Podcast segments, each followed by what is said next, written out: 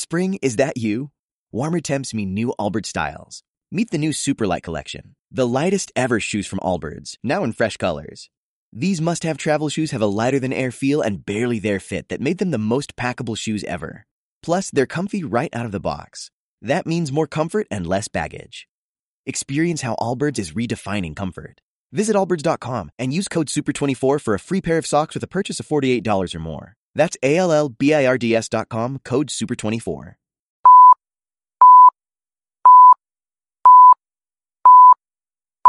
Manuel, pasa a la ràdio, a veure què diuen. A veure, les notícies. Ai, campanera.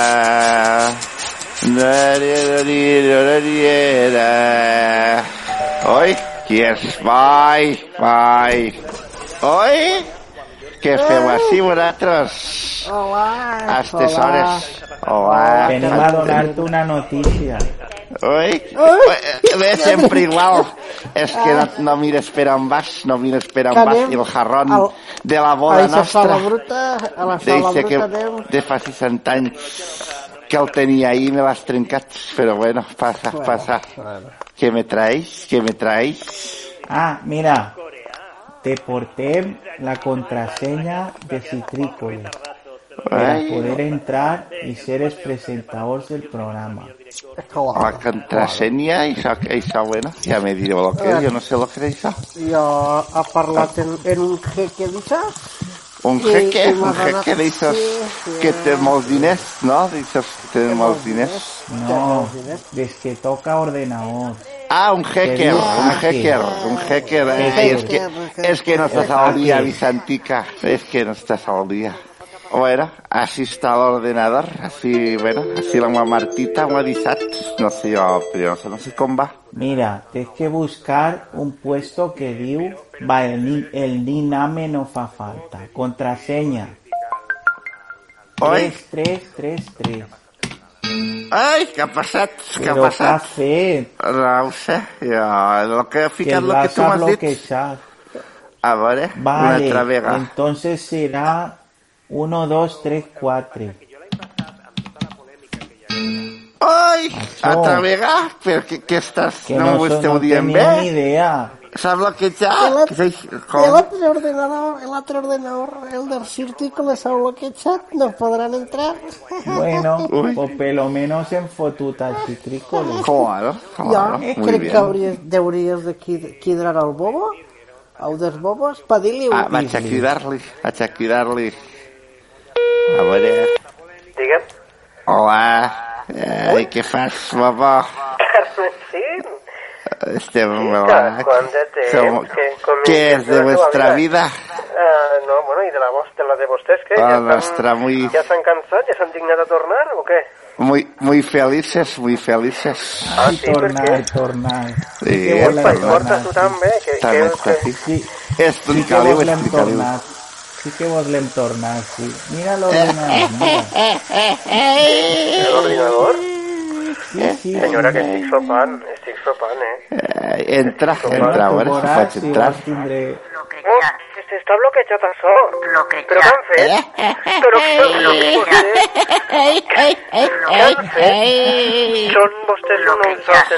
impresentables. Són vostès unes indetitjables. Me van a pagar vostès l'ordinador. O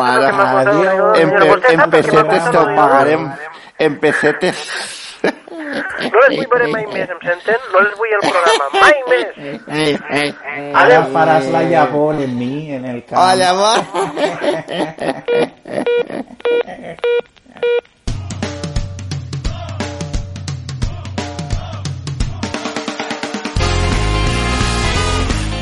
Arriba l'hora més cítrica de la radiodifusió valenciana, amb la colla més citrícola que et pugues imaginar. Des d'ara comença Citrícoles.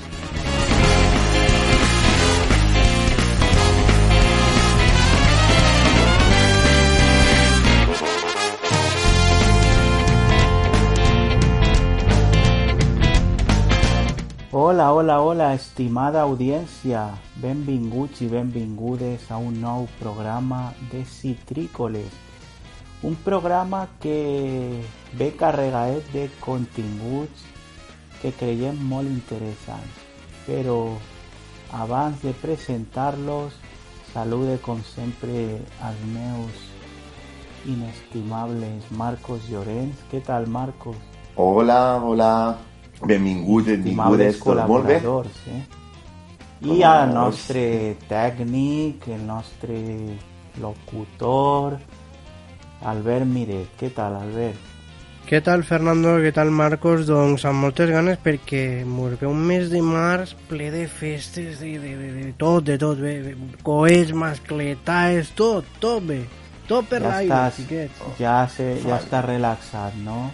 L'ordinador va bé, Eh, no vull que parles d'aquest tema. No vull parlar, no vull parlar d'aquest tema.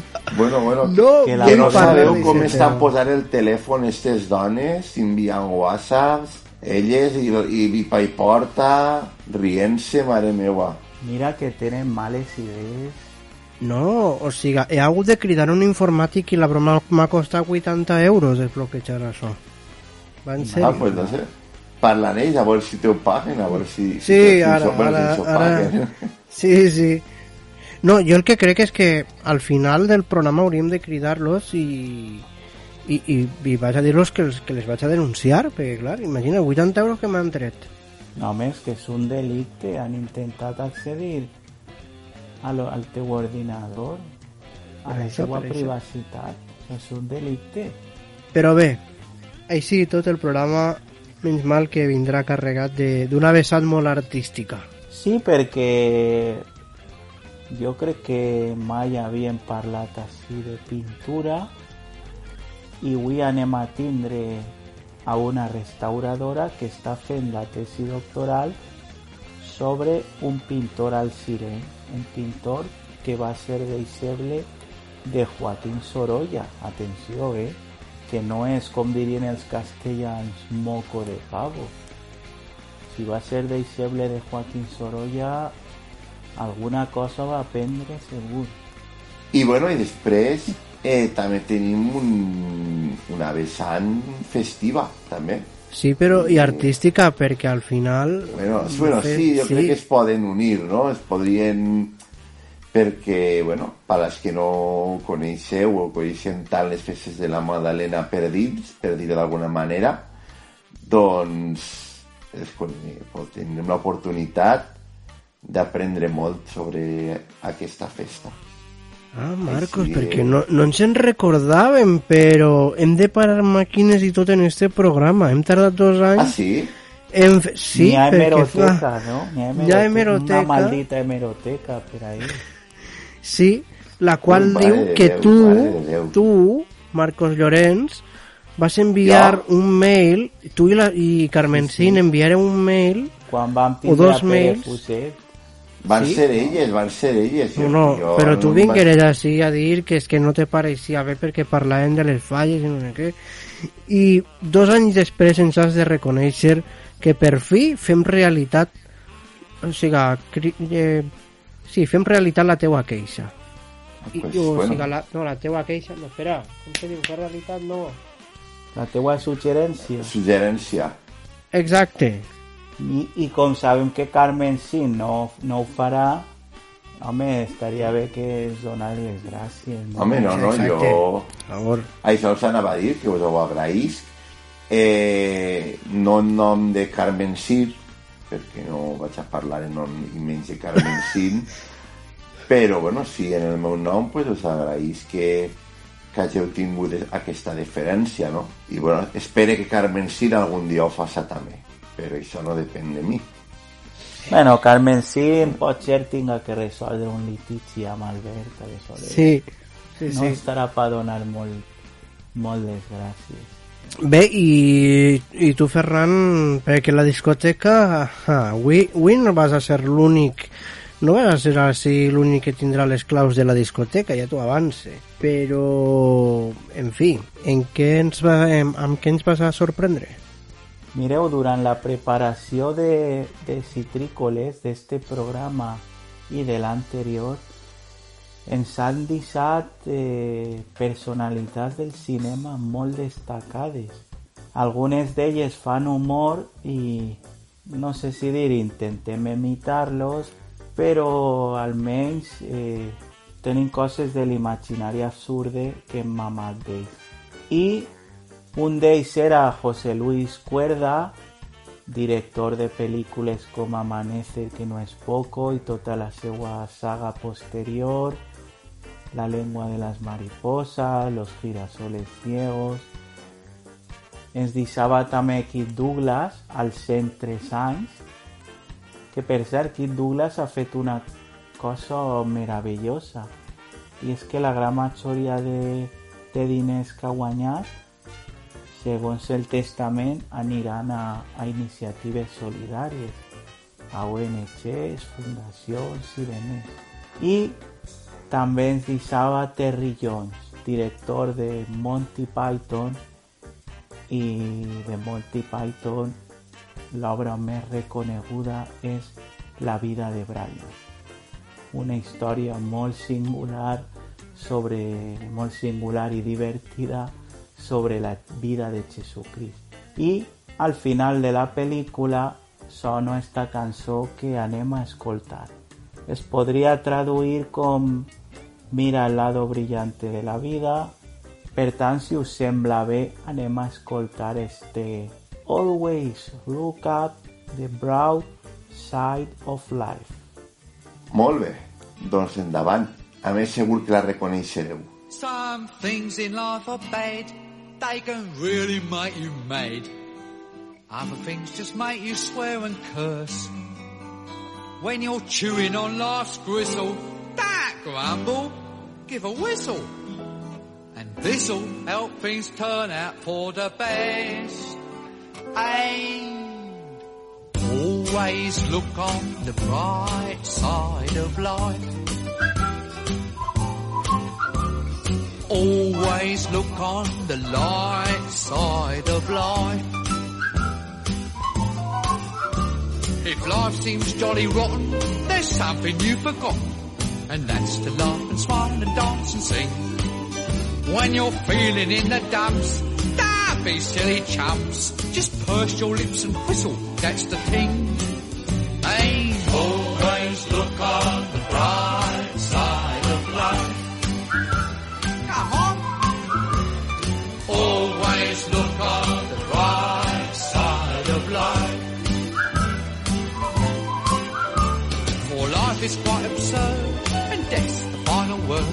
You must always face the curtain with a bow. Forget about your scene, give the audience a grin. Enjoy it, it's your last chance anyhow. So always look on the bright side of death.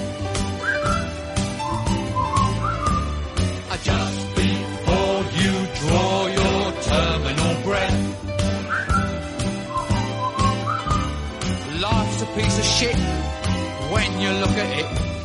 Life's a laugh and death's a joke, it's true. You'll see it's all a show, keep 'em laughing as you go. Just remember that the last laugh is on you. And always look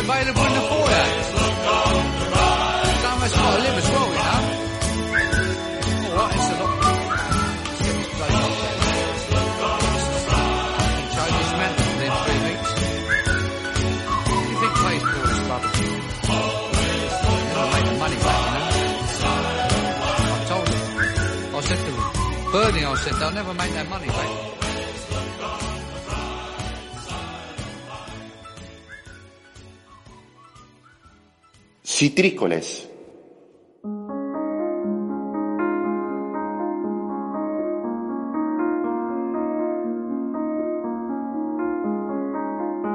Doncs ens trobem així en el Museu Municipal d'Alcira per a parlar amb Mònica Ibáñez, que és la seva restauradora. Hola Mònica, què tal? Hola, bon dia. Bé, Mònica està fent una tesi doctoral sobre el pintor Teodoro Andreu, del qual es complixen en guany 150 anys del seu naixement. Eh, Mònica, per què t'inclinares a, a investigar sobre esta figura?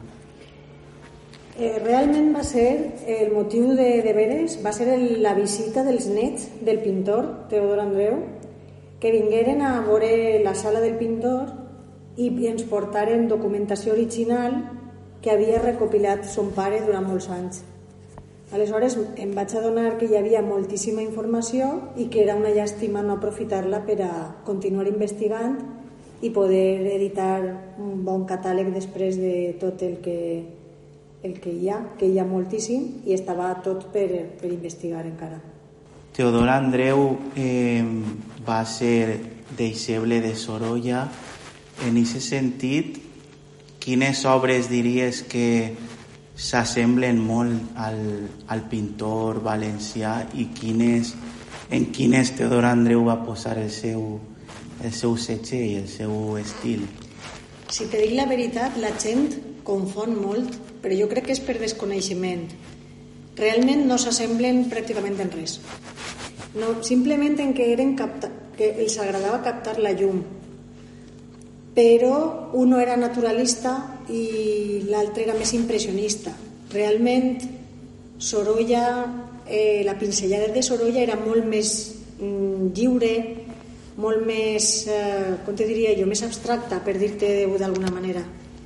Mentre que Andreu, encara que utilitza també la pinzella solta, però eh, fa com, com que estudia més on posa les pinzellades, està més pensat, està un poc més relamit, els quadres, és, és diferent, no, no té res a veure. Damunt, una de les grans diferències és que Sorolla era molt de platja, a ell li encantava pintar la mar, mentre que Andreu era molt de muntanya. Si et fixes, eh, te n'adonaràs que, que quasi, tot és, quasi tota la seva producció pictòrica està feta en pobles d'interior, en horts de taronxers, eh, en muntanya, bàsicament. I de, tot, de tota la informació que hauràs recopilat, quines són les obres que més destacaries? A veure, així en el museu tenim unes quantes de moltíssima qualitat. Per a mi, una de les meves favorites és la de Fort de Cals i també tenim en quant a tamany i també perquè són molt vistoses la paella que la tenim exposada en el Saló d'Actes que de fet és una de les, de les obres més grans que, que té el pintor en la qual va guanyar la tercera medalla en l'Exposició Nacional de Belles Arts de 1897 Després tenim també el quadre de Tres roses en un pomell que l'hem restaurat este any i és, és una passada, és preciós i un altre a destacar en el qual també va guanyar una medalla de plata en l'exposició hispano-francesa de 1908 és el quadre de la viudeta. És un quadre molt oscur que si no te diuen que és d'Andreu no se t'ocorris que és, que és d'ell perquè precisament ell es caracteritza per captar la llum i el quadre de la viudeta és un quadre molt oscur, és molt negre és una escena que va veure ell en un... ell quan vivia en Barcelona pues, solia anar a, a menjar a, a un lloc i un dia, anant a a casa de dinars, es va trobar en una escena que hi havia tres borratxos que estaven acosant a una viuda que sempre anava allí de caritat. L'amo del local li donava moltíssimes vegades de menjar a la viuda. I diu que li va impactar tant l'escena que va, va pensar que seria un, una bona crítica per a portar-la a l'exposició hispano-francesa i de fet eh, va captar també el moment que li concedien la medalla de plata. Eh, a Sinal Sira eh, n'hi ha una comissió fallera que du el seu nom. Mm. n'hi ha, crec que també n'hi ha un carrer, Sí, i un col·le, un, col un col·legi també. però a banda d'això, creus que els alcirenys eh, reconeguem clarament qui va ser Teodoro Andreu? No, ja t'he dit que no. Per això, una de, la, de les tasques que m'he proposat amb la tesi és donar a conèixer la figura d'Andreu, donar-li una posada en valor que crec que té. No, no crec que estiga fet a... Vull dir, la gent no el desmene, no és que el desmereixca, simplement és que tu saps que quan una cosa no la coneixes, no la pots vol, voler, no, no eres capaç de voler-la perquè desconeixes el tema. Aleshores, si tu eres capaç d'investigar, quan més conegues d'una cosa, més t'agradarà. I així passa igual. Com fins ara l'única persona que havia investigat un poc sobre la vida d'Andreu havia sigut Bernardo Montagut i ja fa anys que va escriure un llibre i tal, s'havia quedat la investigació ahir i al reprendre-la jo amb noves dades per aportar crec que ara és el moment oportú per a, per a poder donar als alcirenys moltes més ferramentes per a que coneguen este pintor tan interessant perquè té moltíssimes més coses de les que se conten d'ell i a més importants. I en les facultats de Belles Arts s'estudia perquè en l'institut ja imagine que no perquè la meva experiència quan vaig estudiar tant història contemporània com història de l'art és que en batxillerat com l'objectiu és arribar a, a la selectivitat o a la EBAU que es diu ara els segles XIX i XX els passes molt de puntelles mm. aleshores imagine que en els instituts no donarà temps a estudiar-lo massa, però en les facultats de Belles Arts eh, és un pintor que s'estudie o Sí. almenys així en València? O... No, en la Facultat de Belles Arts tampoc. De fet, eh, a mi em va passar una cosa curiosa i és que jo vaig agarrar la rama de les ciències, jo sóc de la rama biotecnològica. En, en BUP i en COU, que quan jo vaig estudiar era BUP i COU encara, lo de la ESO no s'estilava, jo vaig agarrar ciències pures. Aleshores, quan jo vaig entrar en Belles Arts, jo era el bitxo raro, perquè tots havien estudiat lletres, lletres pures o algú, algú trobaves de lletres mixtes. Entonces, tot el món arribava en una base ja d'història de l'art, cosa que jo no tenia per, perquè, per la qüestió que t'acabe de comentar. I recorde que en primer i en segon teníem la, les assignatures d'història de l'art i com no donava temps, perquè era una assignatura molt densa, no donava temps a, a, a tractar tota la, la història de l'art, se centraven des dels impressionistes fins a, fins ara. I recorde que, que els dels impressionistes parlaven pues, de Manet, de Monet, de Degas, de, vull dir, però no, no parlaven ni de Sorolla, vull dir, era molt internacional el tema. No ens parlaven de pintors locals i ja te dic, Sorolla va ser de passada, d'anomenada i poc, poco más. Una cosa que no puc entendre perquè, clar, un pintor tan internacional com va ser Sorolla hauria d'estudiar-se amb molta profunditat. Sí, perquè de Picasso o de Dalí en sabem molt, però Sorolla va tindre molt d'èxit, sobretot en, en Nova York, no? Per Sí. exemple. Uh -huh, moltíssim. Jo crec que és, de fet, el pintor més internacional que tenim. Eh, al programa Habitat Cultura d'Alcira Ràdio digueres que t'interessa molt més de Teodor Andreu l'aspecte personal. Eh, què ens podries dir? Com, ella, com era ell com a persona pel que hagis, sobre el que hagis investigat? La veritat és que tampoc és que hagi pogut mm, aprofundir molt perquè saps que ells en els temes personals no hi ha molt però eh, gràcies a un epistolari que vaig trobar en el Museu Sorolla en el qual Sorolla i, i Andreu se cartejaven i, i recorde que se, tu llitges eh, perquè la part, de, la part de Sorolla no la tenim, vull dir, només tenim les cartes que Andreu va escriure a Sorolla però no la resposta de Sorolla perquè això Mm. no, no s'ha guardat. Però tu deduïsses per la carta següent que és el que li ha contestat el mestre. I d'ahir se desprenen moltíssimes coses personals, moltíssima informació. I es, es nota molt que era molt bona persona, que era molt constant, molt treballador, que quan se posava un objectiu fins que no l'aconseguia no parava, i, i sobretot que era super, super familiar, ho va, posar, ho va passar molt mal perquè va tindre quatre fills, dels quals se moriren dos, i per, per culpa de la faena, perquè li va eixir faena en Santiago de Compostela quan li se va morir un, una filla, mm, clar, imagina la distància des de Santiago de Compostela fins a València, en aquella època arribar seria una clar. locura i que sàpies que se t'ha mort un fill i que no pogués estar en el mateix moment és, deu de ser molt dur i ell mm. ho va passar un parell de vegades i totes aquestes coses en les cartes que li escriu a Sorolla pues, es desprenen es desprèn la confiança que tenien l'un en l'altre. Sorolla, per exemple, li encarregava a Andreu que anara a comprar-li objectes que anava utilitzant en els seus quadres. Per exemple, en el quadre de la grupa, el jaez que va gastar eh, per al cavall, li el va comprar Andreu. Andreu se'n va anar a Siete Aguas i allí va estar mm, triant varios jaez, jaez, no sé com se diu en València, però bueno, mm, per, per engalanar el cavall eh, va, va estar triant varios que ell pensava que se podien acoplar al que Sorolla portava en el cap que volia representar en el quadre. I en una de les cartes és molt ben explicat i li diu, querido maestro, yo considero que el jaez color púrpura, que lleva espejuelos, que no sé qué, se adapta muy bien.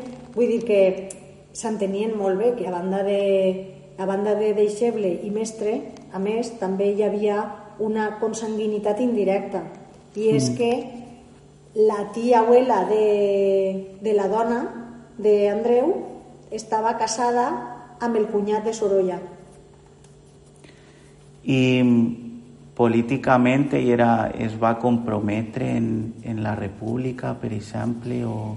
Sí, Sí, perquè vaig arribar a trobar una vegada en hemeroteca de l'època que havia dormit en el calabós una nit per culpa de, de xillar enmig del carrer visca la república, i era, era república. Però el que vaig comentar l'altre dia en la ràdio va ser que, a, a, vull dir, una persona pot tindre uns ideals i pot ser molt... Mm, o sigui, pot tindre les, les idees molt clares respecte als seus ideals, però a la mateixa vegada ell era molt respetuós perquè, per exemple, en 1926 ell va fer una exposició en el Museu d'Art Modern de Madrid i va tindre molt d'èxit aquesta exposició, que de fet eh, aquest museu li va comprar el quadre del Calvari de Simat, que el tenim exposat així en la sala. I mm. ixe, ixa, en aquesta exposició la reina va, la va visitar, l'exposició, i li va agradar tant que va convidar Andreu a sa casa a, a prendre cafè en ella per a xerrar del tema, dels quadres i tal. I Andreu va acceptar. Vull dir-te que una altra, una altra persona va dir jo a casa de la, de la reina no vaig per, per les meves ideologies, però ell sentia molt de respecte per totes les persones, inclús quan se presentava als, als certàmens de Belles Arts, als concursos. Ell moltes vegades dia que ell, ell volia guanyar, com a tots, a veure, no era tonto, però que si ell perdia i era en favor de l'art perquè, perquè hi havia un, un quadre, una obra que era molt millor que la d'ell que benvinguda fora el seu fracàs per a, per a que guanyara l'art mm. I bueno també en, en una de les entrevistes del programa del Cira Ràdio va estar el seu net també és, és un honor no? que el seu net volguera vindre al Cira de fet, de fet ve molt sovint. Tenim molt bona relació amb ell i en la neta també.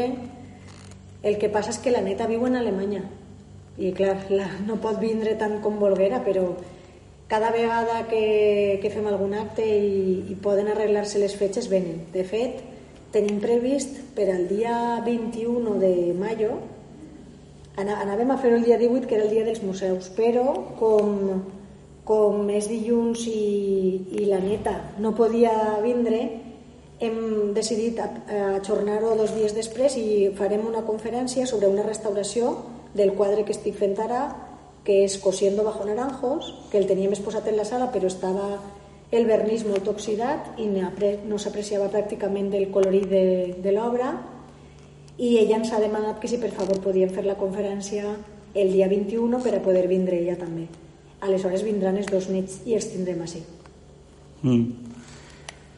Doncs ha estat, ha estat un plaer eh, haver-te tingut així en Citrícoles, Mònica. Eh, vols afegir alguna cosa més? Eh, convidar als salsirenys a que puguem vindre a veure la sala? Sí, la veritat és Horaris... que... Sí. sí. El, el plaer, per supost, ha sigut meu, per parlar amb tu, i després dir-te que, que també agrair-vos el, el que heu pensat en mi per a que vos puga informar un poquet sobre este pintor tan desconegut i aprofitar la vostra, la, la, el vostre mig per a dirigir-me a, tot el món per a convidar-los a que vinguen efectivament a veure la sala, que la remodelarem no fa molt, que n'hi ha molta més obra nova i hi ha informació molt interessant, que ens tenen així per a qualsevol cosa que necessiten, que vulguin preguntar i per a convidar-los també el dia 26 de març anem a fer també, anem a aprofitar que és el mes en el, el qual va néixer i morir el pintor Andreu, perquè va morir el dia 18 mm. de març i el dia 29 va néixer. Aleshores, el dia 26, que és una data intermitja, també vindrà Bernardo Montagut, que és el catedràtic d'Història de l'Art que t'he comentat abans, que va ser el primer que va escriure sobre la vida del pintor, i ens donarà una conferència en el nostre saló d'actes. Mm. Serà a les set i mitja. Eh, tot això ho publicarem també de, des del museu.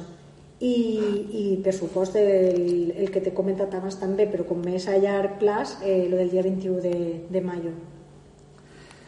Doncs moltes gràcies Mònica. I bueno, la tesi ja tens alguna data per a presentar-la o encara no? Sí, sí, en principi si Déu vol la presentaré en octubre d'este any per a llegir-la en febrer mm. espero arribar perquè tinc tantíssima informació estic redactant com una loca però però és que hi ha molt, hi ha molt, però sí, sí, intentaré arribar. Doncs moltes gràcies, Mònica, molta sort en, en la tesi doctoral i, i als alcirenys, bueno, o a qui vulga, que saben que així tenim el Museu Municipal, que és història viva de la ciutat i que a banda de la sala Pintor Andreu on ens trobem poden, poden visitar altres zones del museu i, i aprendran moltes coses. Sí, per supost. No només així, també tenim el Museu Faller, que està en, la, en el mateix carrer. Vull dir que la gent inclús que és de fora, el que tu molt, molt bé has apuntat, pot fer-se una idea un poc de, del nostre patrimoni al Sireny i, i del festiu, per supost. Doncs l'ho dit, moltes gràcies i continuem així en Citrícoles.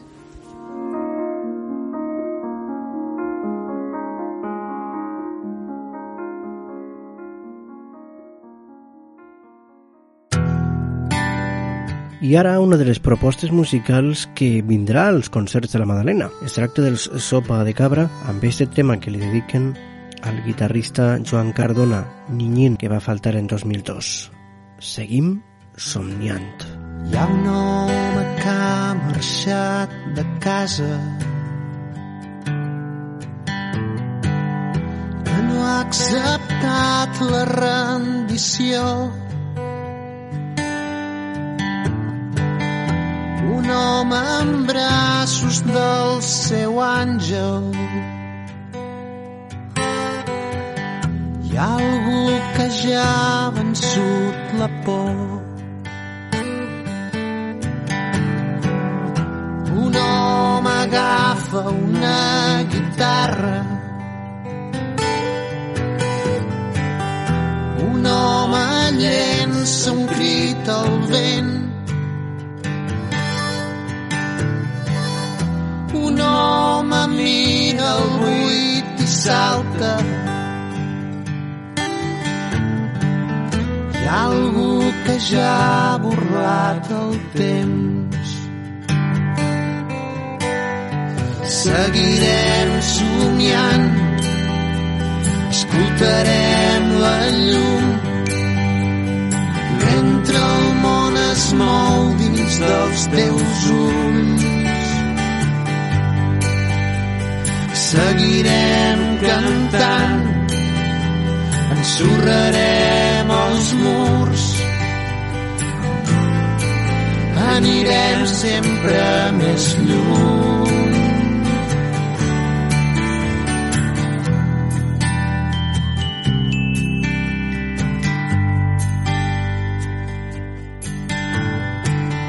Hi ha un home que ara estén les ales. Un home que tocat el cel. No tornarà mai més a casa. Hi ha algú que ja ha pagat el preu. Seguirem somiant, escoltarem la llum, mentre el món es mou dins dels teus ulls. Seguirem lluitant, ensorrarem els murs, anirem sempre més lluny. seguirem cantant, escoltarem llum. Mentre el món es mou sense els teus ulls. Hi ha un home per la corda fluixa. Hi ha un home que ara ja és del món. Citrícoles. Citrícoles. Benvolgut, permet-me suposar que malgrat no haguem gaudit de presentació oficial, més o menys així com jo, estàs assabentat de la meva existència, de les coses que faig benvolgut jo. Seguim recorreguent el país, ara traslladant-nos fins a la ciutat i terme de Castelló, perquè d'ací uns dies tindran lloc les festes de la Magdalena. Per saber-ne més eh, sobre elles i conèixer un poquet de la seva història, ho farem de la mà de José Juan Sidro, que n'és un gran coneixedor. Ell ha estat professor de primària i secundària a diversos instituts, és doctor en orientació escolar per la UNED des de l'any 1993 i ha estat psicopedagog en diversos instituts també. Així doncs, li donem ja la benvinguda. José Juan, benvingut als Citrícoles. Benvingut, moltes gràcies.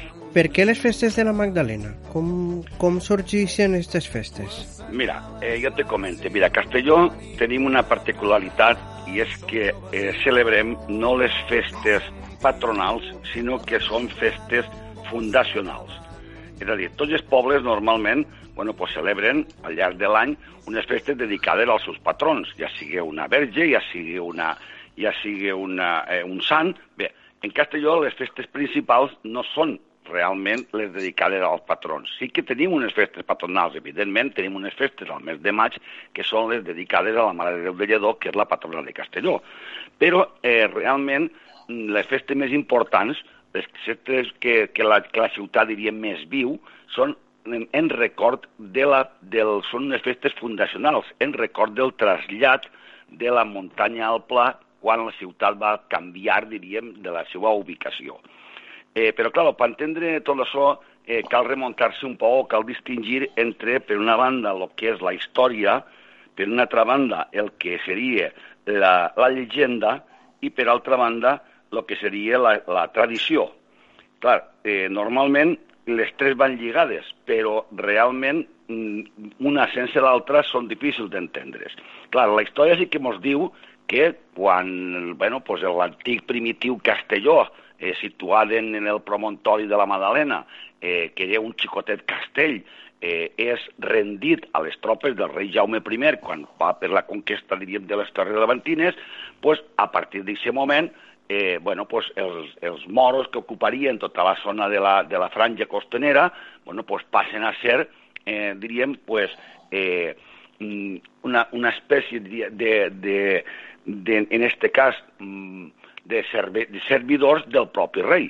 Però, clar, en companyia del rei ve molta altra gent que ocupen les terrenys que el, aquells moros que no poden quedar-se com a servidors, bueno, pues van abandonant. La història ens diu que Castelló se trasllada des de la muntanya al pla en, bueno, en una, ocupant una d'aquelles antigues alqueries dels propis moros. I és la història. I estem en el segle, en el segle XIV, i bé, i la història que acompanya, diríem, a tot el que és la, la conquesta del, de territori valencià, una part més del conquesta del territori valencià per el rei Jaume I.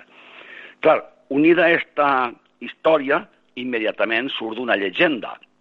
La llegenda és que la ciutat se trasllada, els habitants se traslladen des de la muntanya al pla, eh, una nit eh, de tempesta i que realment, bueno, pues, eh, com que el, el pla està ple d'aigua molls, eh, han de tantejar eh, per a no caure en els fangars, han de tantejar en canyes, i si les canyes eh, porten lligalles xiquets, eh, la nit és una nit de tormenta, una nit de tempesta, en aigua, bé, i serà llegenda en el qual el trasllat bueno, pues, de nit en uns farolets per alumbrar-se pel camí, tal, tal, tal. Clar, evidentment és llegenda, és llegenda romàntica i eh, no té res de, de, de, de, de històric. Eh, per què? Bueno, perquè se suposa que la gent no se traslladaria primera ni de nit, segona ni plovent, tercera ni en tempesta, i a més a més no se traslladaria al poble tot el mateix dia i a la mateixa hora. Mm. Per tant, eh, això seria una, una llegenda romàntica que potser apareix en el segle X, en el segle XVIII. Però després, ahir, lligat tant la història amb la llegenda, apareix la tradició. I quina és la tradició? La tradició diu que des del segle XV eh, n'hi ha tradició en la ciutat de eh, una vegada a l'any, com a mínim, ja la ciutat està, és dir, el poble ja està en la plana, bueno, pues recorda els seus orígens traslladant-se traslladant-se a l'antic eh, llogaret del Castellvell. I apareix una primera, un, un primer romiatge, diríem, des de la ciutat, que ja va més o menys creixent, segle XIV, segle XV, segle XVI, i que va, diríem, se trasllada en record d'això avantpassats que van fer el seu trasllat en el seu moment. Clar, així, això li unim que en una època medieval eh, la ciutat sofreix diferents episodis de pesta, bueno, pues la Iglesia aprofita també per a que, eh, bueno, pues en el moment, diríem, d'aquest romiatge al Castellvell, eh, realment sigui també un romiatge en sentit penitencial. Clar, de manera que la nostra romeria a la Madalena eh, bueno, pues té un, un doble sentit. Té un sentit, diríem, de romeria penitencial, diríem, en record o en penitència per haver-nos lliurat de la pesta eh? I, i eh, durant diversos, diversos, eh, diversos anys, i per altra banda, bueno, pues té el sentit de record d'aquest trasllat. Clar, això se fa bueno, pues una romeria que no, és una, no són unes festes, diríem, com a tal, sinó que és un dia puntual a l'any en què la ciutat recorda.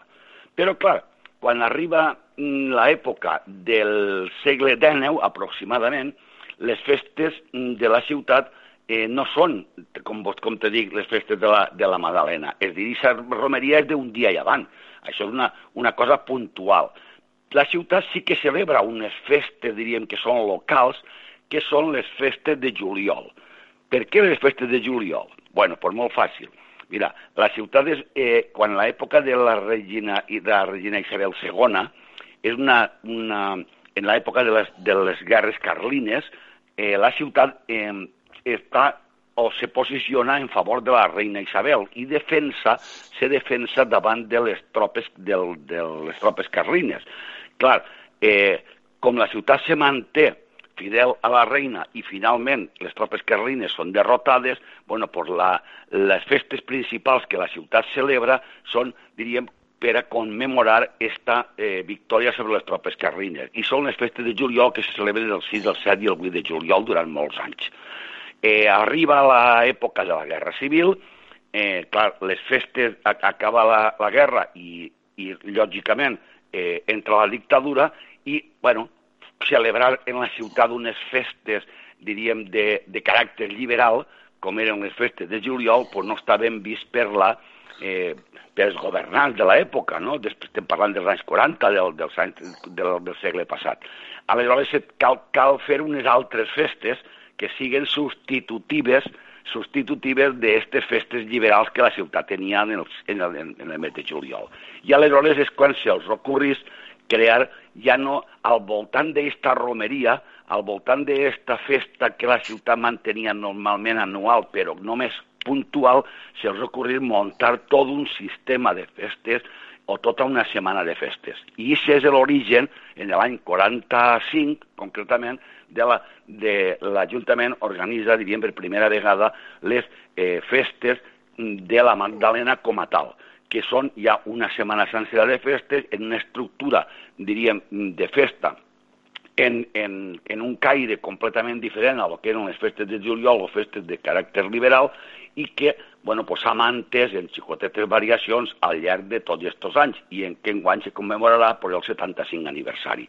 Més o menys, això seria un poc l'estructura d'unir, com te dic, la història, la llegenda i la tradició.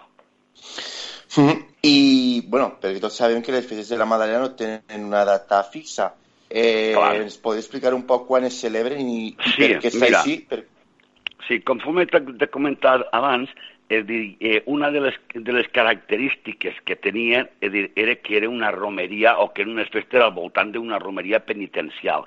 I per tant sempre la romeria s'ha estat durant molts anys celebrant, s'està celebrant el tercer diumenge de Quaresma, eh, perdó, el tercer dissabte de Quaresma, que, clar, aprofitant que era una romeria penitencial i que estaven dins de la Quaresma, quan se, en l'any 45 s'estableixen les festes com a, com a tal, la setmana de festes, se manté, se manté eh, al voltant d'esta setmana. I, per tant, sempre la, la romeria, tot i que després passa a ser de dissabte a diumenge, eh, se, sempre se manté que sigui el tercer diumenge, en este cas, de Quaresma. Claro, quan la Quaresma puja i baixa del calendari en funció de la Pasqua, pues, lògicament, si la Pasqua cau molt alta, per les festes, diríem, cauen altes. Si la Pasqua cau més baixeta, per les festes cauen més baixetes. Pot, n'hi ha anys en què cauen inclús dins del mes de febrer i n'hi ha anys en què arriben pràcticament a finals de març o principis d'abril.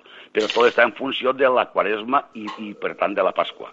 Sí, perquè vostè pues, alguna vegada s'ha comentat no? de, que, de ficar alguna data fixa. Vostè creu que s'hauria de ficar una data fixa o, o creu que, que s'ha de celebrar tal i com s'ha vingut celebrant els últims 75 anys? Mira, ahir n'hi ha, diríem, dos, les dues versions. És dir, n'hi ha gent que defensa que caldria fer una, una data fixa i té avantatges i té inconvenients, i n'hi ha gent que diu que no, que hauria que estar com ara i també té avantatges i té inconvenients. Eh, qui, quan o de quina manera eh, surt cada vegada mm, esta, esta polèmica? Pues normalment la polèmica surt quan, per exemple, fa mal temps. És a dir, si dona un casualitat de que un any, perquè les festes de la Madalena eh, són unes festes molt participatives, molt populars, se figuen molt al carrer, cada vegada són més democràtiques i són més participatives. Clar, si el temps no acompanya, aleshores les festes queden molt, molt, molt, molt buides, molt manques. Clar, si això ocorrís, aleshores en seguida dicen la gent és que haurien de ficar unes festes en què foren més endavant o que foren una data fixa o que foren... Vale. També de vegades, eh, inclús els propis, eh, eh, els propis hotelers o inclús la gent diríem que, que, que de la festa vol fer un negoci, clar, li interessaria que foren fixes. Per què li interessaria que foren fixes? Pues perquè és molt més fàcil a l'hora de reservar hotels d'un any per un altre, a l'hora de, de promocionar-se exteriorment, extern, externament d'un any per un altre, tindre unes dates fixes. Però, clar, eh, en realitat per la gent de Castelló el tindre una data fixa no, no, no significa res. És a dir, nosaltres sabem que, que d'un any per un altre, el tercer diumenge de Quaresma i la setmana, per tant, del, de, de, que comença el dissabte de Quaresma, el tercer dissabte de Quaresma i tota la setmana següent, tenim festa i, per tant, bueno, pues és, és absolutament igual. Però, clar, sí que n'hi ha detractors i que dirien que, que, que, com que pensen que a la millor si la festa fora fixa, eh, seria molt, tindria avantatges. Però jo crec que no. Jo crec que la, per la gent de Castelló, per la gent diríem de tota la vida de Castelló, el que sigui una data fixa o que sigui una data mòbil mos és indiferent. Inclús te diré més. És a dir, eh, si la data no se varia, pues, bueno, mantenim la tradició, que és el tercer diumenge de Quaresma i punto. Que pot que fer mal temps? Pues sí, però igual pot fer mal temps el tercer diumenge de Quaresma que a mitjan del mes d'abril. Vos saps el que te vull dir? És que en aquest aspecte no n'hi ha ninguna... No n'hi ha... La polèmica és, ja te dic, sempre, normalment, quan fa mal temps. Si no fa mal temps, la gent ni se recorda de que, de que s'ha el tercer diumenge de Quaresma. els festers de Madalena són tan conservadors com puguen ser els de les falles, perquè les falles normalment el debat este de canviar el dia de la cremà no canvia per una qüestió de tradició. Així Sí, mira, normalment el, el debat s'obri, en València s'obri quan Sant Josep cau els caps de setmana. El, num el nombre de vendes s'incrementa i de turistes. Clar, aquí el problema és el mateix, és a dir, el, el, el, el tindre una data fixa és mm, fonamentalment per problemes econòmics o per, o per, per unes avantatges econòmiques, eh, però ja dit, la, la gent del carrer, la gent del poble, normalment eh, és absolutament igual, que, dir, que simplement tenint, tenint en compte que saps que el tal setmana i l'any que ve podrà caure en tal fetge o l'altre any caurà en tal altra, eh, ja saben que seran festes. Ara, evidentment, el, el, la evolució de la festa, bueno, per la evolució de la festa, mm, possiblement, si fora, si fora en dates fixes, tal vegada seria més fàcil vendre-la a l'exterior. Eh? Seria més fàcil, però no ho sé, això seria una, és una polèmica que, que, que bueno, podria, n'hi haurà detractors i n'hi haurà defensors. Jo no, no estic segur de que a lo millor eh, tinguem una fetge fixa, fixa seria molt més fàcil vendre-la vendre fora. Per què? Pues perquè estem pensant que la, la data fixa que, estem, que potser podríem variar que podria ser al mes d'abril, al mes de maig, al mes d'abril coincidiria en Setmana Santa, al mes de maig ens coincidiria a la millor en les festes que ja fem de lledó, de les patronals, és dir, al mes de juny i juliol, eh, no sé si són anys eh, més per a fer festa, és, dir, és molt difícil. També buscar una data fixa i que quadrare.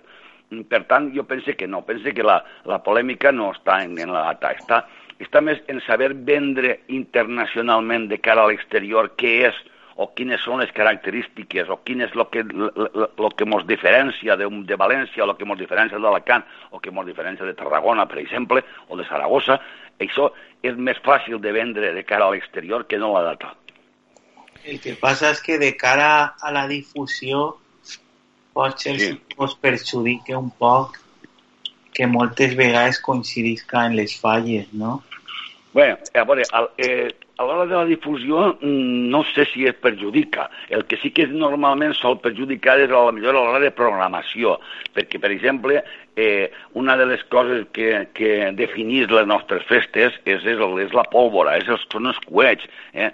Eh, són les mascletades, són els castells de foc. Claro, les empreses pirotècniques, lògicament, eh, quan no coincideixen en falles, pues, tenen més possibilitat de moviment. Quan coincideixen en falles, pues, claro, han de ser unes empreses pirotècniques molt grans per a poder fer front, a lo millor, a, a, a disparades tant en, el, en València com en Castelló, en la mateixa setmana. Clar, això, això sí que pot ser, a lo millor, alguna, algun element, diríem, que, que distorsione o que en algun moment, que cas de coincidència, bueno, pues pugui tindre una certa dificultat, però tampoc és que coincideixen tots els anys. És a dir, n'hi ha vegades que coincideixen i n'hi ha moltes altres, moltes més que no coincideixen. Jo voldria preguntar-li per un altre element Dime. característic de, de les festes, que sí. són les gallates. Com podríem descriure sí. mm, per la ràdio com són les, què són les gallates? Sí, mira, l'element més característic, lògicament, de les nostres festes, el més diferenciador, és la gallata. I la gallata és difícil d'entendre. Mira si és difícil d'entendre el que és una gallata, que eh, en, el, en, el, en l'escaparate més gran que tenim avui en dia al nostre, a la nostra, al nostre estat, al nostre país, que és la Fira de Fitur, per per a portar, diríem, el que és la idea de la gallata, no ha sigut suficient en portar unes, unes, unes imatges, en portar eh, unes pel·lícules, en portar uns audiovisuals. Finalment ha hagut de portar-se una gallata.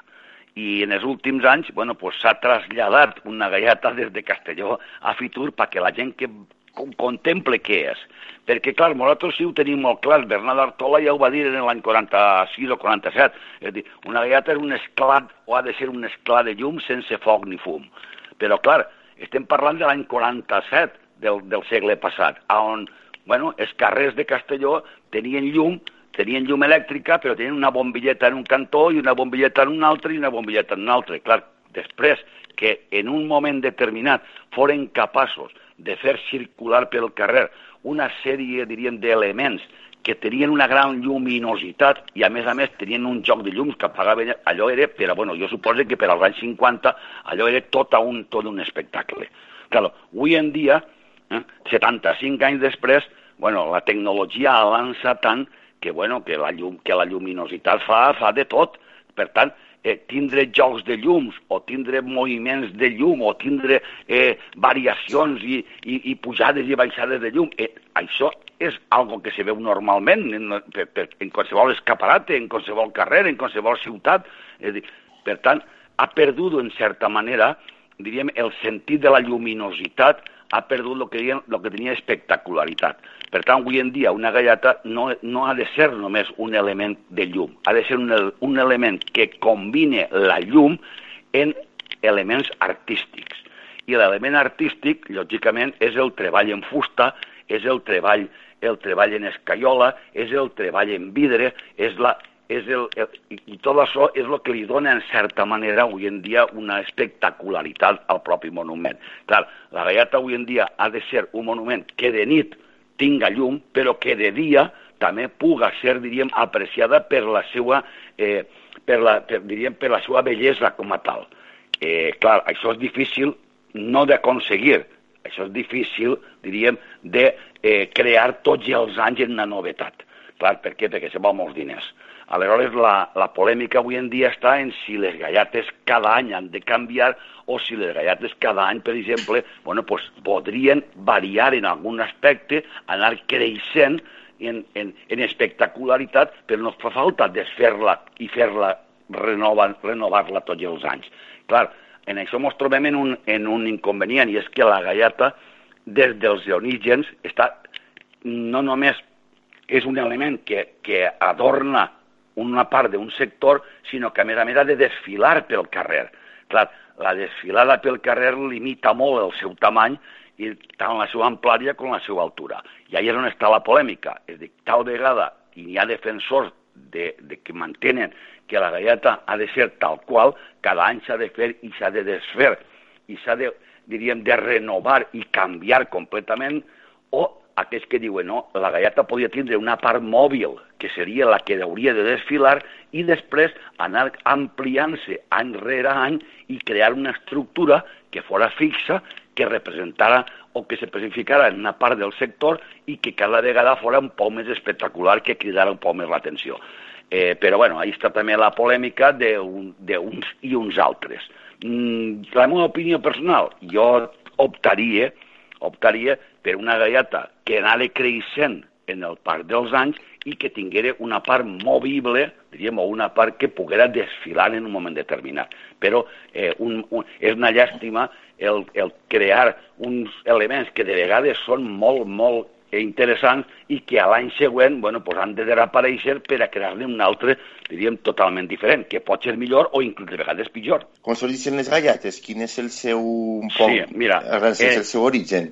Quan l'any 45, que te dic, se reestructuren les festes, o s'apareixen aquestes festes de, diríem, de tota una setmana, eh, la forma d'involucrar a tot el poble és dividir el poble en sectors. És dir, diríem, dividir el, el poble, tota la ciutat, és dividida en 11 sectors més els sectors del grau, o el que formaria el que fa número 12. bueno, pues cada sector que, que en aquell moment bueno, pues tindria pues, 7, 8, 10 carrers i aglutinaria pues aproximadament, eh, pues suposa, pues, no sé, pues, eh, 1.000, 2.000 persones, eh, eren les que entre tota la gent del sector construïen aquesta gallata.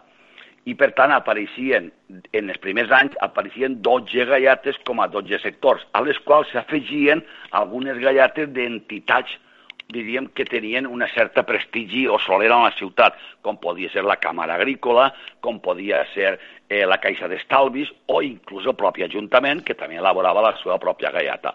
Eh, clar, això eren gallates mm, monuments, perquè eren, eh, que ahir se l'acompanyaven el que eren les gallates individuals, que eren aquelles que eren portades per una sola persona i que, bueno, pues, tenien com a element referencial la, la llum i el gallato, eh, que era la, el, el símbol, diríem, d'aquest trasllat, aquesta representació que, com te dia abans, portava la llegenda de que quan van baixar de la muntanya al pla pues anaven en canyes i en gaiatos lligant els xiquets també un poquet per a que no s'escaparen, per a que no s'espergueren.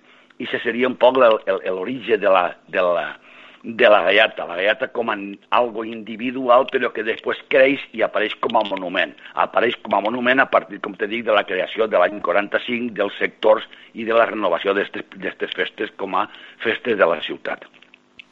I després estarien les colles que serien mm, sí. les Bé. agrupacions no? de, de, de veïns Val, o d'amics. Clar, ara també, també aquí buscar, diríem un poc, en aquest any 45 eh, la festa podia ser la oficial per una banda eh, i la popular per una altra. La festa popular era la gent que anava en rom, de, de romeria igual a la Madalena, però eh, la majoria d'aquesta gent, diríem, del poble, anava en què? Pues anava en carro o anava a peu.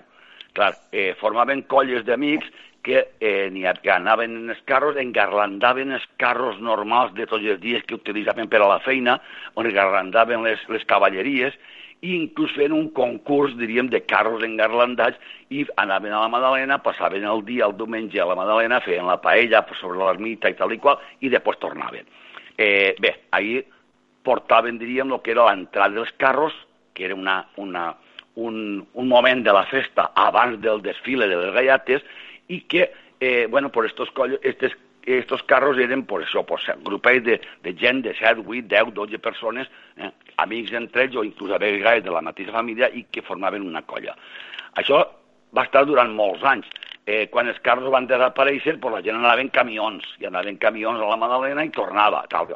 Però, i en els anys 80 aproximadament, en la democratització, en la democratització de les festes, eh, bueno, van començar a, a sorgir eh, grupells de persones grupets de joves, normalment, que eh, bueno, volien viure la festa d'una manera espontània, d'una manera diferent, d'una manera no, no tan oficial, perquè la festa dels anys 45 a l'any 75 o 80, més o menys, és a dir, tota l'època, diríem, de la dictadura, eh, la, la festa, mm, tot i ser una festa mm, de la ciutat, no era popular. És a dir, allò que allà on s'anava calia eh, bueno, pues, eh, eh, pagar, diríem, eh? tant era el, el teatre com era la, com eren el, el, els, els certaments literaris, com eren, els, com eren les actuacions. Eh, eh, tot, havia molt, molta festa, però no era de bades. La festa de bades eren els coets, i pràcticament no hi havia res més.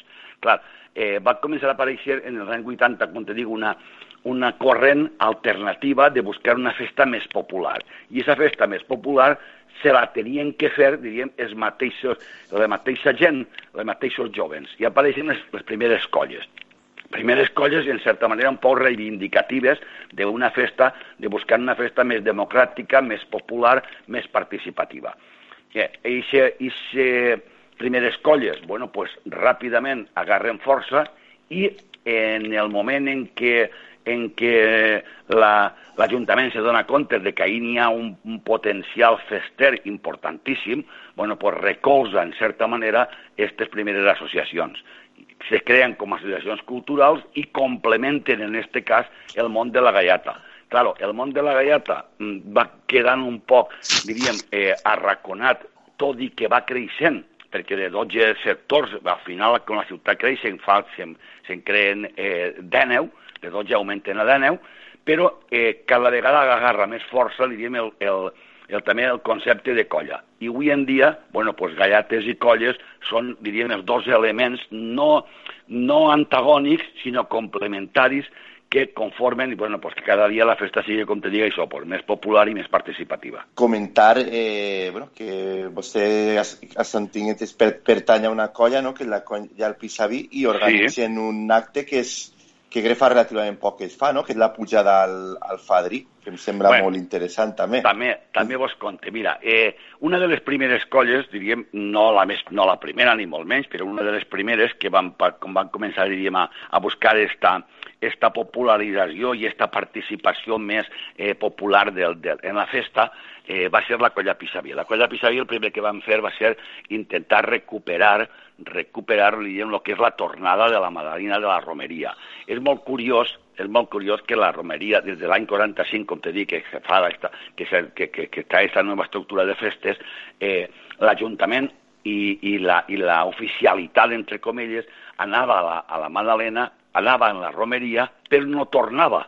Per què? Per, perquè quan arribava a la Madalena després de dinar, bueno, pues en autobusos o en els taxis o en què fora, se'n tornava ràpidament al poble perquè calia anar als bous.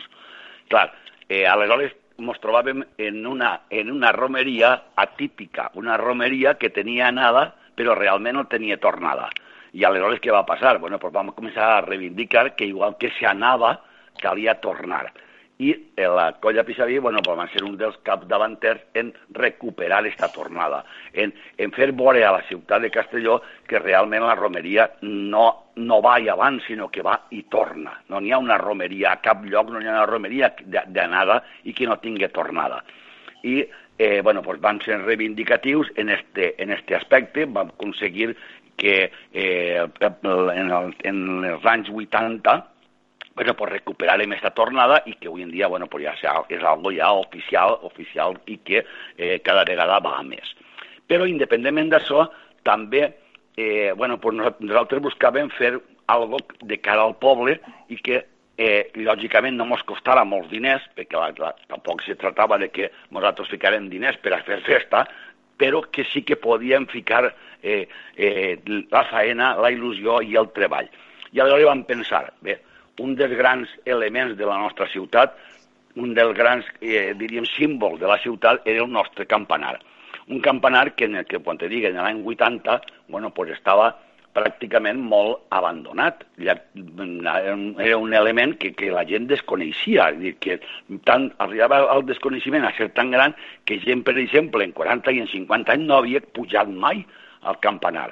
Aleshores, la pròpia colla va haver un any què van, van dir, bueno, pues, eh, aprofitant la setmana de la Magdalena, anem a demanar a l'Ajuntament que mos deixen pujar. I aleshores vam fer una pujada, diríem, per a la gent de la pròpia colla. Van sol·licitar el poder pujar i van fer la pujada de la, de la gent de la pròpia colla. Claro, la sorpresa va ser quan van baixar que hi havia gent a la porta dient ai, no poden pujar i no poden pujar, i pues nosaltres voldríem pujar també. Bé, aleshores van dir, bueno, nosaltres ens comprometem a partir de l'any següent eh, crec que va ser, estic parlant de memòria, però crec que va ser l'any 1983, bueno, doncs en l'any 1984, de eh, demanar no només a l'Ajuntament que ens deixarà pujar, sinó que ens deixarà obrir-lo tota la vesprada, tota una vesprada de la setmana de festes, per a eh, poder-lo ensenyar a la, a la, a la gent que volguera pujar. Claro, per a poder-lo ensenyar, nosaltres primer teníem que documentar-nos i estudiar tota la seva història i, i, i anar dient un poc, eh, fer un poc un esquema de com podien fer-ho per a que l'any següent la gent poguera pujar. I així ho van fer. És dir, eh, el campanar de Castelló, bueno, pues, eh, té diferents sales, volen col·locar cada un en una sala, eh, des de la part, de, diríem, de la, de la pròpia porta fins a la terrassa de dalt, i cada eh, sala, bueno, pues en 10-15 minuts ja anem explicant un poc la història del campanar. Eh, a més a més, uns membres de la pròpia colla van fer una investigació sobre el propi camp, la història del campanar, la van presentar a la, a la, als Premis de, de Humanitats Ciutat de Castelló, van aconseguir el, el premi, se, va editar el llibre, i bueno, això també va donar més difusió a lo que era la història del nostre campanar. I, casualitat o no, bueno, pues en l'any 2000 vam se va aconseguir que se restaurara, que, se, que la Conselleria d'Educació i Cultura bueno, pues, s'interessara per la restauració d'aquest campanar.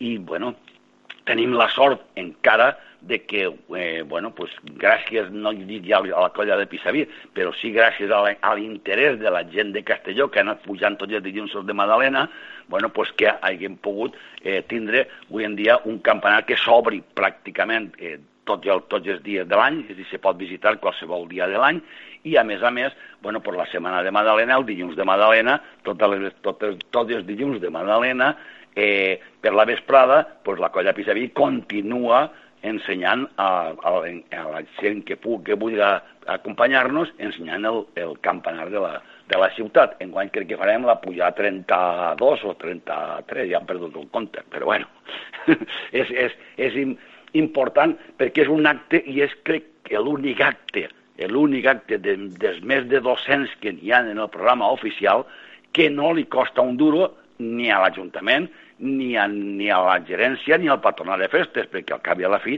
és dir, la, la, el temps i la inversió que pugui haver eh, se fa càrrec a la colla de Pisaví. Anem acabant, no sé si Marcos o Fernando teniu alguna darrera pregunta.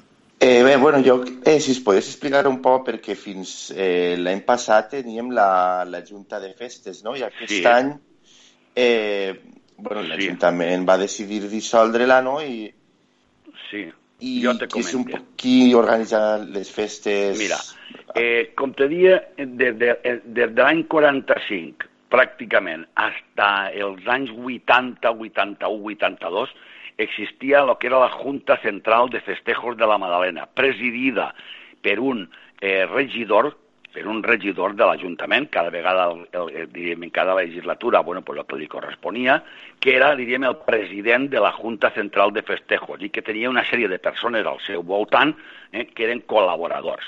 Això en l'any 83, crec que va ser, 82-83, eh, ja en plena democràcia, se va veure que això no era democràtic i per tant calia eh, distribuir o, re, o reestructurar aquesta organització de les festes.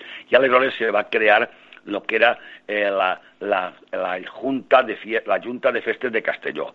La Junta de Festes de Castelló estava formada, diríem, per festers de tots els àmbits culturals de la ciutat que s'agrupaven i que triaven una, present, una persona que era el president i el president triava 24 persones més que eren, diguem, els col·laboradors. Bueno, pues aquestes 25 persones que formaven la Junta de Festes de Castelló eh, tenien la, la particularitat de que organitzaven no només les festes de la Madalena, sinó totes les festes que a Castelló se tenien que celebrar al llarg de l'any, començant per la cabalgada dels Reis eh, i acabant per les festes, no sé, de, de, del- de, de Sant Pere eh, o, de, o de Sant Jaume, és a dir, les festes que, totes les festes que la ciutat feia al cap de l'any. Eh, per això tenia un pressupost, un pressupost majoritàriament que eixia del pressupost municipal que se complementava en totes les ajudes que la pròpia Junta de Festes podia treure d'entitats i organismes. I aquesta quantitat de diners bueno, pues, se distribuïa al llarg de tot l'any en els diferents actes. Tenien en certa autonomia? Sí, tenien una autonomia eh, perquè programaven i a més a més contrataven, tot i que tenien que justificar les comptes a través de, diríem, de l'Ajuntament, de la secretaria i de la, i de l'administració del propi Ajuntament. Eh, juntes de festes se triaven cada quatre anys, és a dir, el president se triava cada quatre anys i coincidia en els anys de les eleccions. De manera que si en guany hi havia elecció, després a continuació n'hi havia elecció de president, eh, una vegada constituïda l'Ajuntament, eh, n'hi havia elecció de president i la, i la Junta de Festes estava durant els qu- quatre anys. Quan l'Ajuntament cessava, cessava la Junta de Festes i se n'elegia se una altra. Bé, això ha sigut així durant diverses legislatures, fins que en l'any 80, eh, perdó, 2012-13 eh, va haver una, una eh, junta de festes en la qual un president bueno, pues va tindre diguem, uns enfrontaments polítics eh, amb els regidors o amb la junta, de, amb, el regidor, no, amb l'equip de govern, per entendre-nos. I eh, va haver una sèrie de, de circumstàncies que van fer que l'equip de govern cessara a esta junta de festes. Eh, això va fer que eh, no, aquesta junta de festes, que era presidida per el, el senyor Bellido, bueno, pues no acabarà els seus quatre anys, que només actuarà tres anys, i l'any que feia quatre, bueno, pues van tindre que triar una nova junta de festes. I aquesta nova junta de festes, eh, que ja sabia que se triava només per a un any, per acabar aquest període, eh, era la que tenia que fer les festes de l'any 2000 2019 i acabava i acabava les seues, la seua, el seu mandat, diríem, a, en principis del mes de, del mes de maig del 2020, perquè era, eh, a veure, per, no, del, 2000, sí, no, perdó, del 2010, del 2019, perquè el mes de maig del 2020 que no ha arribat, acabava en, el, en, en, en maig del 2019, és a dir, organitzava les festes del 2019 i acabava en el, en el maig del 2019. Però, però què va passar? Que en el maig del 2019 se fa una, unes, unes eleccions eh, municipals i no se renove i s'ajunta de festes.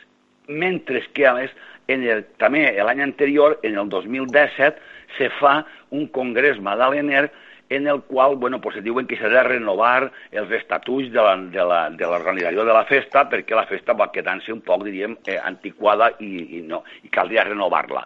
Tot això fa que, arribats al mes de novembre del 2019, bueno, no n'hi hagi una junta de festes. I, per tant, bueno, pues, la regidoria el que determina és que per a justament les festes del 2020 i només per a les del 2020 se crearà una comissió que serà l'encarregada d'organitzar les festes de 375 aniversari. Mentrestant, s'intentarà que s'aproven uns nous estatuts i segons aquests nous estatuts, bueno, pues se crearà el que digui dels nous estatuts i s'ajunta de festes. És un poc embolicat, però, però la situació, la situació actual és que tenim, en aquest moment, no tenim una junta de festes, la junta de festes va acabar el seu període en el, en el mes de maig de l'any 2019 i que ara per a les festes del 2020 s'ha creat una comissió, diríem que està presidida per la regidora de festes i que i té com a coordinador el gerent del patronat municipal de festes, que són els que organitzen juntament en tots aquells que han volgut involucrar-se en els diferents elements que han volgut involucrar-se de la, de la, de les diferents associacions festeres de Castelló, bueno, pues conformen un grup de, de 20, 22, 24 persones que són les encarregades de tirar endavant eh, este, este exercici fester d'enguany tenint en compte que, clar, no només esto, sinó tots els que han treballat com a exercicis festers anteriors és una font de, de manera altruista i, per tant, clar, pues, tampoc se li pot demanar, diríem, una, unes exigències, eh, eh, diríem, de, de, de responsabilitats o econòmiques quan en realitat són persones que fan fora del seu horari o, o, o de forma voluntària. Clar. Mm. De fet, l'última Junta de FES, la que va organitzar les festes de l'any passat, crec que sí. va tindre un ítem molt important que va ser per primera vegada presidides per una dona, no? Eh, sí, efectivament. És dir, la, que se va, la, la Junta que se va crear eh, per a fer les festes del 2019, eh, que, que diria que ja sabien que només per a un any, eh, va tindre mm, eh, com a presidenta diguem, una, una, una senyora, sí, una dona, i era la primera vegada que teníem una presidenta. Fins ara havia sigut sempre homes. Mm -hmm.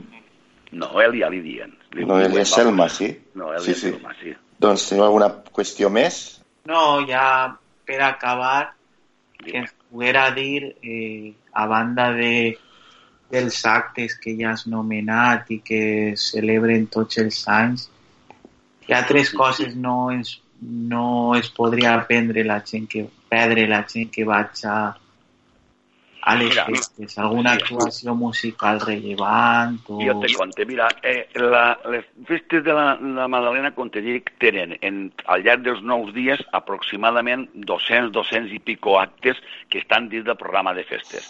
Claro, eh, triar-ne un, triar-ne dos és molt difícil. El que passa que la gent n'hi ha que veure un poc què és el que busca. És dir, la gent que busca la tradició, per exemple, bueno, per això l'han de vindre el primer cap de setmana han de vindre primer cada setmana, que és quan és el pregó, que és quan és la romeria, que és quan és el desfile de gallates, que és la tradició. La gent que busca, anem a suposar, diríem, la, la, la, internacionalització, la internacionalització bueno, pues, ha de vindre el darrer cap de setmana o de dijous cap al final. Per què? Perquè ahí està el Festival Internacional de Música de Festa, on venen totes les bandes internacionals, ahí està la desfilada internacional, ahí està ahí estaríem el que és la, la, la, la internalització, de cara a l'exterior.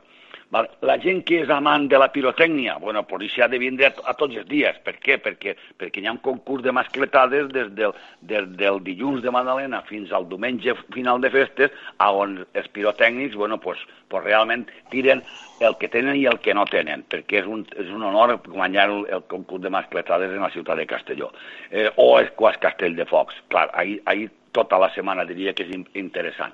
El que busque la joventut, que busque, que busque aspectes musicals, bueno, pues, ha de vindre en funció d'allò que més li interessa, allò que més li agrada. Per exemple, en guany, bueno, pues s'anuncia s'anuncien eh, concert de, de, de, de música eh, rock catalana, crec que ve Sopa de Cabra, me pareix, i després també veig que s'anuncia s'anuncia Manu Tenorio, és a dir, hi ha diferents estils, s'anuncien també eh, música més romàntica en la plaça Major, eh, és dir, clar, ahir també un poc de, varia en funció de les, de les, de les expectatives que cada un pugui tindre.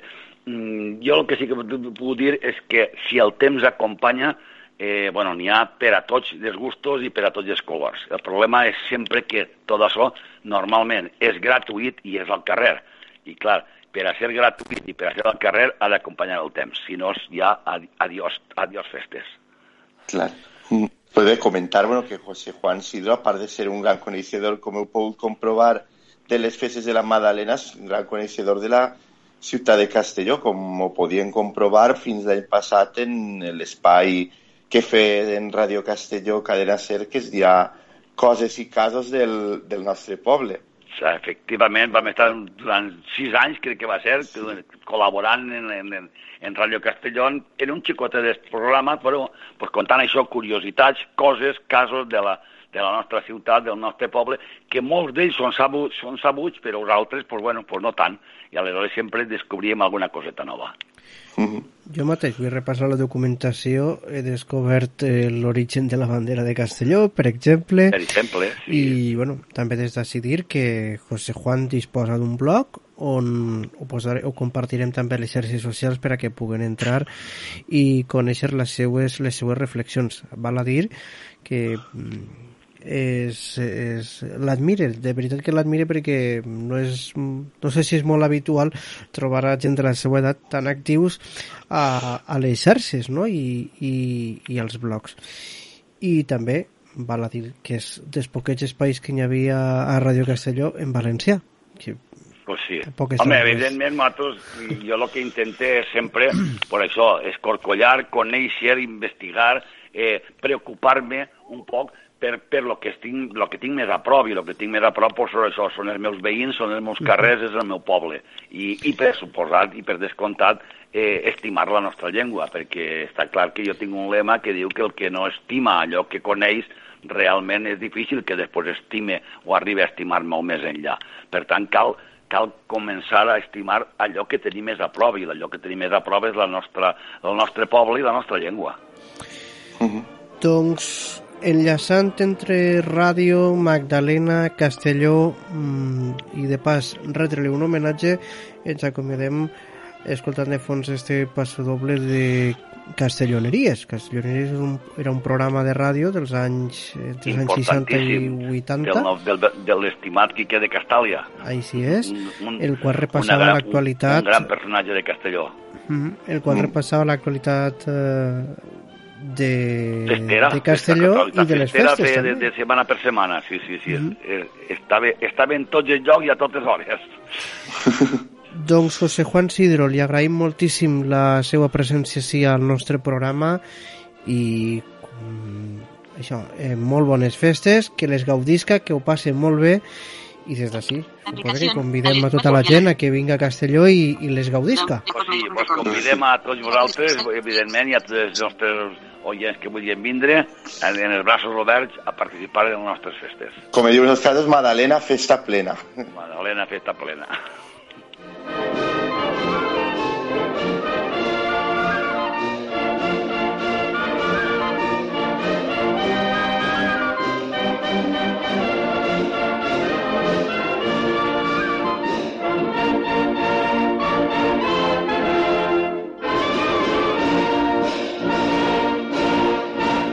Citrícoles.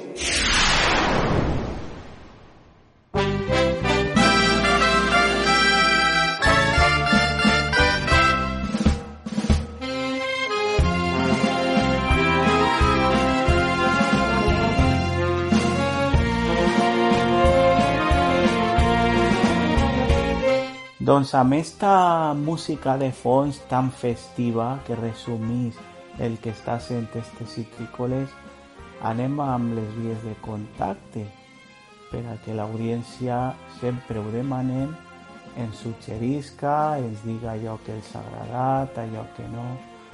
En fi, i comencem per esta xarxa que ens permet tindre molts amics, molts, molts, molts amics. i Sergio Gall ens dirà com podem accedir a esta xarxa. Pots trobar-nos al Facebook en arroba citrícolesfm.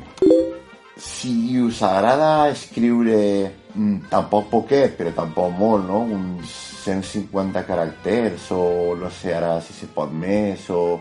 Però home, que tampoc us agrada escriure grans parrafades, tenim el Twitter que ens el recorda Lorena Mancilla. Troba'ns al Twitter, arroba citrícoles FM. Però si el que realment us agrada és ser clàssics i clar, ara com estem en el tema de la sostenibilitat i tal, no podem gastar paper per enviar cartes, no? Però sí tenim el correu electrònic que ens ho diu d'una manera melodiosa Noemi Tolosa. Ole, ole, que pareado.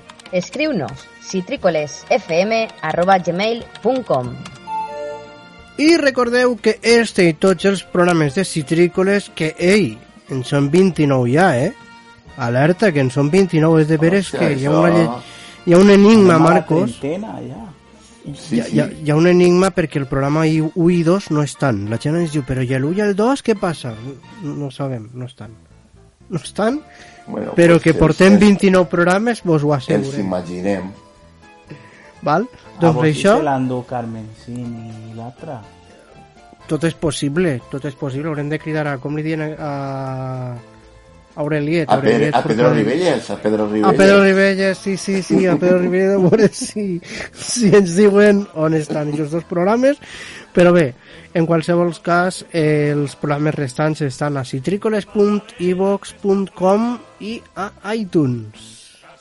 I bé, abans d'acabar, Marcos, tu també vols obrir la teua pròpia discoteca, no? Eh, doncs sí, doncs, bueno, avui ens despedirem en música i anem a ficar un tema que la gent d'ací de Castelló, sobretot la gent de la nostra edat i un poc més Mm. jove, que és de festa, el coneix molt bé. És un tema, bueno, que és un grup d'ací, és un grup local, que es diu Tom Bombadil, que aporta molts anys, doncs des dels anys, jo diria que finals dels 80 o principis dels 90, fent música rock, i aquest tema pues, car caricaturitza un poc la, pues, el Castelló dels anys 90, no? I, i conta un poc pues, que no hi ha llocs per on eixir, parla un poc de la televisió de Castelló... Bueno, és un tema mogudet i que creiem que, que pot estar molt bé per acabar aquest programa i, bueno, i relacionar-lo en el tema que, que, hem parlat abans amb José Juan Sigro. Jo he de dir que he tingut oportunitat de veure el grup en concert dos vegades, munten una festassa increïble, allò se fica petar de gent i és una passada, és una passada veure un concert de... no sé si l'havies dit ja el grup, l'has dit? Sí, Tom Bombadil. Ah, vale, és un bon badil. Doncs això, una passada. Jo, si alguna, en alguna ocasió teniu una oportunitat, per favor, anem els tres, anem els tres. De fet, jo crec que ara en Madalena sempre solen actuar en alguna Sí. ratllata o en... Crec que van tindre èpoques, no?, de tindre més nom i tal, però bueno, que, que ahí estan encara. Sí, home, tenen cançons legendàries com la d'un frare carmelità o Pepa Pepa, bueno, ahora no recuerdo los títulos, pero seguro que si, si les cantarem eh, la gent les reconeixeria. Doncs amb esta cançó tan festiva ens acomiadem i tornarem pronte així a... Citrícoles! Magdalena, festa plena, menudo mogollón, las gallatas ocupan nuestras plazas.